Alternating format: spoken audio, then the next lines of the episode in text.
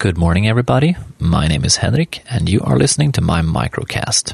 So, I just came across a post on micro.blog from Eli Mellen asking us uh, if we had any thoughts about what we're looking for in a light web, in, excuse me, in a lightweight indie web first CMS. And Mike Haynes responded uh, saying that he uses WordPress. It basically boils down to the plugins, the customizability, and things like that. And I agree wholeheartedly. WordPress is a good tool for microblogging.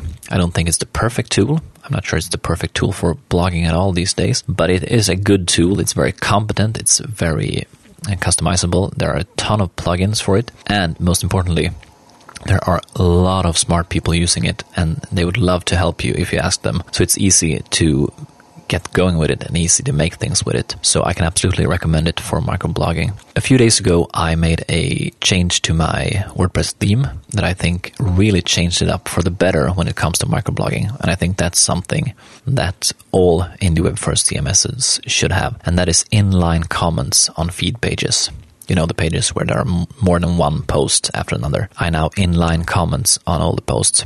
And that totally changed everything because I think that with traditional blogging, maybe we looked more at individual posts and we found them in our RSS readers and things like that. But with microblogging, it's really all about the feed. Looking at a single microblog post on someone's blog isn't that uh, that exciting because it's just one one piece of thought.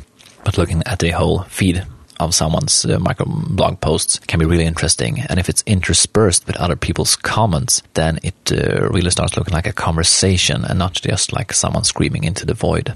So I th- think that was a great change, and I recommend everyone to do it. And I absolutely think that a lightweight indie web first CMS should have this either enabled by default, or it should be easy to enable inline comments in one way or another. So that's it for now. I wanted to make this a fairly quick post because I got a ton of things to do today and I need to get going with it. Okay, have a great day. Bye.